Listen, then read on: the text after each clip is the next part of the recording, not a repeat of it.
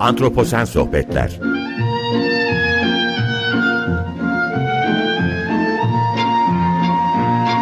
Hazırlayan ve sunan Utku Perktaş Merhaba, iyi akşamlar herkese. Antroposen Sohbetleri hoş geldiniz. Ben Utku Perktaş. Bugün e, beslenme ve antroposen dönem arasındaki ilişkiyi, insan çağı arasındaki ilişkiyi biraz konuşmaya çalışacağız.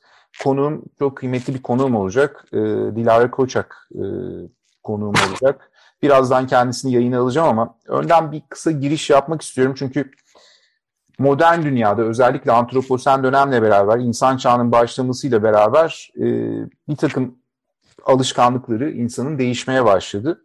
Modern dünyada besinin zenginlik ve güçle kurulan denklemi e, artık hani geçerliliğini kaybediyor. Özellikle tarım toplumlarında insanlar için besin bir tasarruf aracıydı. Para ve zenginliğin bir göstergesi olarak e, iş görmekteydi esasında. E, bu yüzden de insanlar besin üretimi için gün boyu yoğun çalışmak durumundaydılar. Ancak e, modern kent toplumlarına geçişle beraber e, tüm bu rolleri para şey aldı. E, para bunların yerine geçti ve para zenginliğin aslında çok daha esnek olan bir formu olarak karşımıza e, çıkıyor. Ve zenginlik insanları belli ölçüde toprakla çalışmaktan alıkoymaya başladı e, ve uzaklaşmaya başladık ki sanayi devrimiyle beraber de esasında bu antroposen döneme geçişle birlikte ve evcilleştirmenin e, de hayatımıza girmesiyle beraber aslında bu 10 bin yıllık bir geçmişe tekabül ediyor. E, bambaşka bir dünya yaratmaya başladık. Yaşadığımız gezegen değişmeye başladı. O avcı toplayıcı dönemdeki e, eşitlik düzeninden birazcık uzaklaşmaya başladık. Örneğin işte Amerika ve Britanya gibi zengin ülkelere baktığımızda, gelişmiş ülkelere baktığımızda çiftçiler yaklaşık olarak nüfusun sadece yüzde birlik kısmını oluşturuyor. Ama Ruanda gibi fakir ülkelere baktığımızda bu oran nüfusun yüzde seksenini buluyor. Ve bu oran e, 5500 yıl önce Uruk şehri kurulduğunda bereketli ilalde Ruanda'daki gibiydi. %80'i buluyordu. E, ama işte değişen kent yaşamı, değişen e, insan alışkanlıklarıyla beraber bunların çoğunu kaybetmeye başladık ve atmosferi de bu anlamda yaşadığımız gezegenin atmosferini de bu anlamda değiştirmeye başladık ve iklim krizi, biyoçeşitlik krizi karşımıza çıkmaya başladı. İçinde besinin de besin bulma ihtiyacının da rolleri var. E, bunları çeşitli programlarda konuşmuştuk esasında. Ben lafı fazla uzatmak istemiyorum. Ee, bir Mezopotamya atasözüyle bu kısmı bitireyim. Zenginliği elde etmek kolay değil ancak yoksulluk her daim yanı başımızda. Dolayısıyla belli ülkelerde e, yoksulluğu görüyoruz. O bölge, o ülkelerde toprakla olan iletişim bambaşka. Ve Jared Diamond'ın da aslında Tüfek Mikrop Çelik kitabında bir miktar bu atasözüne de bir atıfta bulunarak e, bir insanlık tarihini değerlendirmesini yapıyor ve tarımın nasıl başladığını ve tarımdan sonra neler olduğunu da açıklıyordu.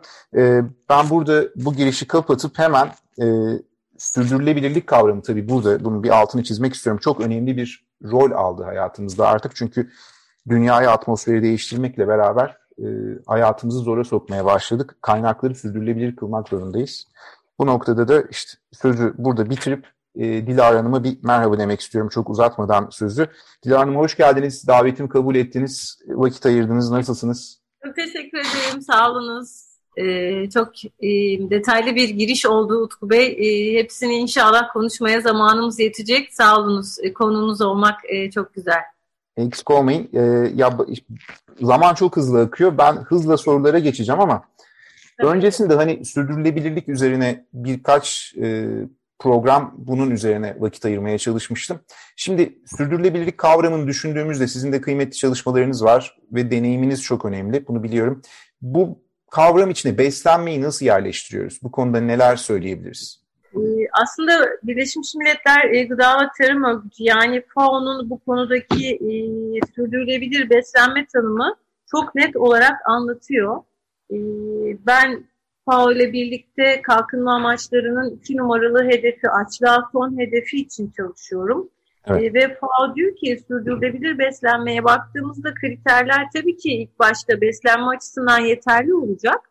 E, ama güvenli olacak, ekonomik olacak, sağlıklı olacak, kültürel olarak kabul edilebilir ve düşük çevresel etkiye sahip olacak. Aslında bunun özeti size iyi gelen, sizin birey beslenmesi olarak size iyi gelen şeyin sizin kendi kültürünüze ve kendi çevrenize yani gezegene de iyi gelmesi lazım.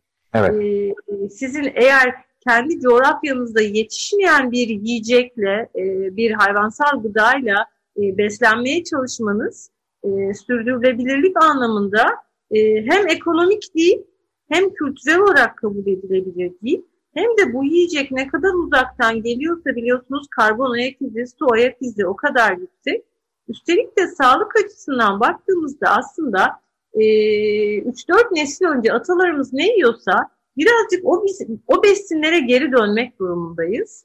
Çünkü bağırsak mikrobiyotalarımız da buna göre dengesini kaybetti.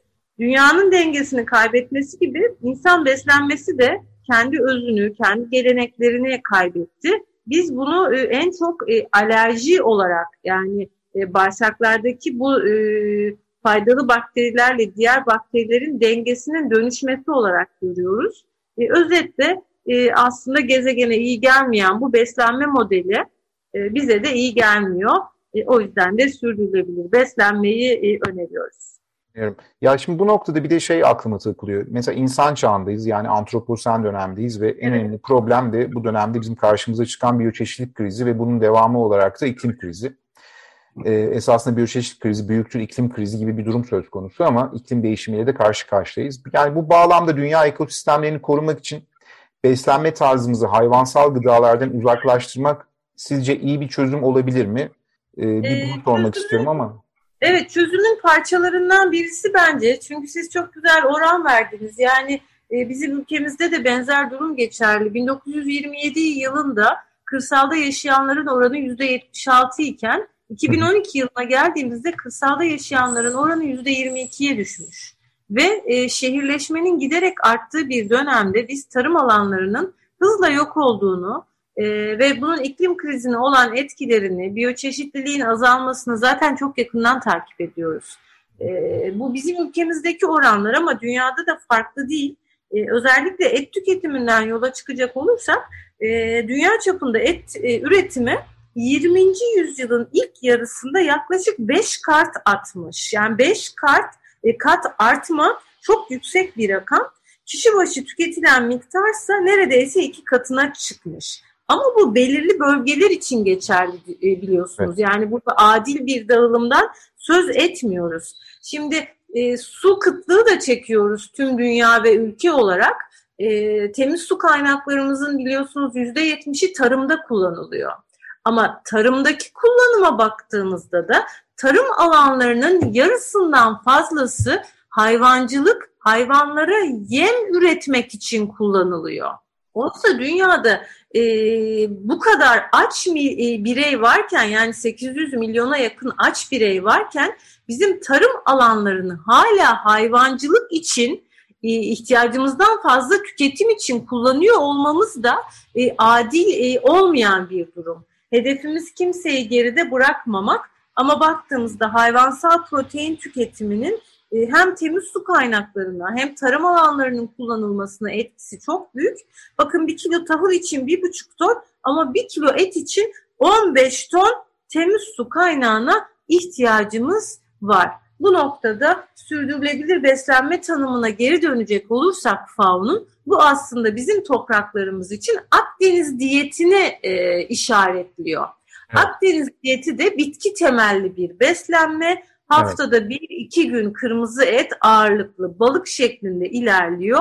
E, ama dünya genelindeki öneri şu, biz 2050 yılına kadar sebze ve baklagil yani bitkisel protein evet. iki katına çıkarıp kırmızı eti yarıya indirmek durumundayız. Bu önemli bir bilgi. Çok teşekkürler bu bilgi için.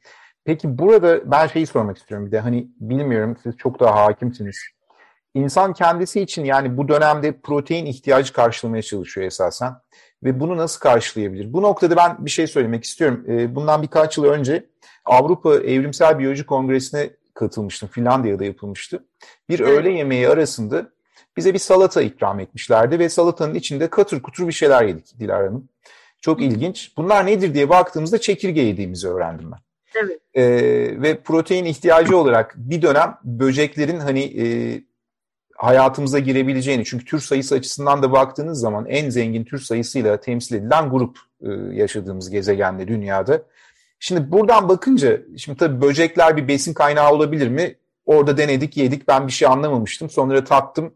İlginç gelmişti ama e, acaba insan kendisi için bu dönemde protein ihtiyacını hayvansal gıdalar dışında nasıl sağlayabilir?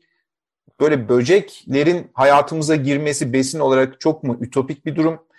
Siz en azından hani bir diyetisyen olarak ya da beslenmeyle ilgilenen bir uzman olarak bu konuda ne düşünüyorsunuz? Ee, benim kişisel tercihim e, bana en çok sorulanlardan bir tanesi bir laboratuvar etleri bir de bu böcek e, proteinleri. Evet. Ee, ben dünyanın o hale gelmesi yerine daha dengeli bir tüketimde olmasını tercih ederim. Güzel. Tercih laboratuvar etleri de olmaz. Ee, 2019 yılı Şubat ayında Lancet dergisinde bir gezegen diyeti yayınlandı. 37 tane bilim insanı bir araya geldi. Dediler ki hem gezegene hem insanlığa iyi gelen bir, bir beslenme modeli var mıdır acaba? Bunu çalıştılar. Tabii ki bireysel özellikleri bunun dışında tutuyorum ama e, günde 18 gram yani haftada 100 gram kırmızı etin yeterli olacağını, haftada iki tane yumurtanın, e, sürdürülebilir balıkçılığın desteklenmesinin, geri kalanının da yağlı tohumlar ve bitki e, temelli baklagillerden sağlanabileceğini gayet güzel ispatladılar. E, ben işin bu tarafındayım. Anladım. Şimdi böcek yenir, böceği kim yer? Belirli coğrafyadaki insanlar zaten yiyorlar. Yemeye Hı. devam etsinler. Kendi kaynaklarını e, sorumlu ve düzgün bir şekilde kullanarak. Evet. E, ama bizim ülkemiz için Hani hatırlarsanız FAO'nun sürdürülebilir beslenme tanımında dedik ki kültürel olarak da uygun olacak. Şimdi evet. bu bizim kültürümüze uygun bir şey değil. Ama bizim kültürümüze 400-500 gramlık T-bone'lar, o kocaman kocaman et dükkanları da bizim kültürümüze uygun değil. Haklısın. Ben hep aynı örneğe veriyorum. Biz anne köftesiyle büyüdük. Elbette. Çünkü elbette. anne köftesi bayat ekmekle yapılırdı. İçine soğanı konurdu, maydanozu konurdu, sarımsağı konurdu. Evet yanında da piyaz verilirdi, e, fasulye verirdi annelerimiz. Hem doyalım diye, ekonomik olsun diye. E, bir yandan da atalarımız doğruyu biliyorlarmış. Bitkisel protein koyuyordu yanına dengelemek için. Çok güzel. Çok güzel. O böceklere, laboratuvar proteinlerine kadar gitmeden biz kendi özümüze, kendi geleneklerimize geri dönersek ve israf etmezsek, çünkü her üç gıdanın birisi biliyorsunuz israf ediliyor. Yıllarca dedik ki ne yerseniz osunuz ama Amerikalı bilim insanı e, Barry diyor ki artık yemediklerinizden sorumlusunuz. Çünkü üretiyorsunuz Çok ama güzel. yemiyorsunuz. Çok güzel. E, o yüzden ben çözümün sorumlu üretim tüketimde e, olduğuna inanıyorum. Peki şeyi soracağım hemen bu vegan beslenme mesela hani e, özellikle evcil hayvanların, büyükbaş hayvanların özellikle iklim krizine e, pozitif katkı yaptığı yani aslında tetikleyici katkı yaptığı söyleniyor hep. Bunları okuyoruz. Ama mesela bu eti tamamıyla hayatımızdan çıkarsak ve vegan beslenme e, bir çözüm olabilir mi? E, olabilir, çıkaralım. Yani vegan e, yaşam tarzı e, ki açık radyo izleyicileri, dinleyicileri buna çok hakimler ve hassaslar. E, evet. Veganlık bir yaşam biçimi, sadece evet. beslenme bunun bir parçası. Elbette. E, ben çok da büyük saygı duyuyorum. E, evet veganlık bir çözüm. Anladım. Biyoçeşitliliği korumak için de bir çözüm. Anladım. Bireysel bir tercih ama çözümü parçalarından bir tanesi bence. Anladım, anladım. Tamam. Ben e, bir de sizin son üretiminizle alakalı bir şey sormak istiyorum. Öncelikle bunun için çok tebrik ediyorum. Sosyal medyadan takip ettik. E, sürdürülebilir yaşam günlüğünden bahsediyorum. E, çok da güzel bir günlük olmuş benim anladığım kadarıyla. Ben de PDF'ine baktım. E, bu günlüğün kısaca hikayesinden bahsedebilir misiniz? Çünkü bir de İngilizce herhalde yabancı dilde yayınlandı. Ee, öyle oldu evet. Güzel bir organizasyonla da tanıtıldı esasında. Ve bu dönemde de önemli olduğunu düşünüyorum bu tür farkındalık oluşturacak materyallerin çıkmasının. Şimdi e, ben Hacettepe e, sizin gibi mezunuyum. 90-96 e, Hacettepe'liyim. Ve beslenme diyet uzmanı olarak mezun olduğumda dedim ki e, bu sadece diyet kelimesi insanlarda bir hastalığı tedavi etme, ince olma, zayıf olmayı hatırlatıyor. Aslında Dünya Sağlık Örgütü bedenen, ruhen ve zihnen iyilik halini e, bizim için e, öngörüyor. O evet. yüzden ben 17 yıl önce İyi Yaşam Günlüğü ismiyle her yeni yılda bir günlük çıkarmaya başladım. Ve bir yılı 12 aya bölerek her ay iyi yaşam için ipuçları, yeni çalışma e, özetleri ve bireylerin kendilerine koyacakları küçük hedeflerle bir yılda nasıl iyi yaşama geçebilirler buna bir rehber olmayı amaçladım. Evet. Ve her yıl yenilenen içeriğiyle iyi yaşam günlüğü 2005 yılından beri 2006, 7, 8 bugünlere kadar geldi. Ama sonra Paris Anlaşması'nı takiben ben hedefime sürdürülebilirliği aldım. Gezegeni ve geleceği beslemeyi aldım. Zaten iyi yaşamı sürdürebilmek için gezegenin iyiliğini sürdürebilmek lazım. Güzel. Çok güzel İki yıl önce sürdürülebilir yaşam günlüğü olarak zaten değiştirdim. Bu defa sadece bireye iyi gelen değil, gezegene iyi gelen önerilerle hazırladım rehberimi. Geçen yılda Avrupa Birliği delegasyonu Türkiye Büyükelçisi'nin dikkatini çekmiş günlüğümüz. Dedi ki ben çok üzgünüm. Çünkü ben e, Türkçe bilmiyorum ve Türkçe bilmeyen insanlar da lütfen bu kaynağa ulaşabilsinler. Önümüzdeki yıl biz sizin yeni günlüğünüze destek verelim, bunu İngilizceye çevirelim ve sözlerini de tuttular. Sürdürülebilir Yaşam Günlüğü artık İngilizce Avrupa Birliği desteğiyle. Yeni yıl için e, benim bir klasiğimdi ama şimdi daha çok insana e, ulaşıyor. Kesinlikle. O yüzden mutluyum. İnşallah ifade edebilmişimdir. Eksik olmayın. Vallahi çok ben de incelediğim kadarıyla çok e, başarılı buldum. Ellerinize sağlık diyorum ve tebrik ediyorum tekrardan. Dilara Hanım programa renk kattınız. Çok teşekkür ediyorum. Hızlı akıttık zamanı yine. E, akıcı bir sohbet oluyor. Böyle sorular ve böyle akıcı cevaplar alınca sizden özellikle ben vakit ayırıp geldiğiniz için çok teşekkür ediyorum. E, tekrardan ben, eksik olmayın. Gerçekten Açık Radyo benim için çok kıymetli bir platform. E, siz de vesile oldunuz. E, sağ olunuz. İyi yayınlar diliyorum. Çok teşekkür ediyorum. Size iyi akşamlar diliyorum. Dinleyicilerimize de iyi akşamlar diliyorum. Programı kapatıyorum. Bugün konuğum Dilara Koçak'tı. Önümüzdeki günlerde antroposen sohbetlerde farklı konuklarla yine biyoçeşitlik ve iklim krizi üzerine konuşmaya devam edeceğiz. Hoşçakalın, iyi akşamlar.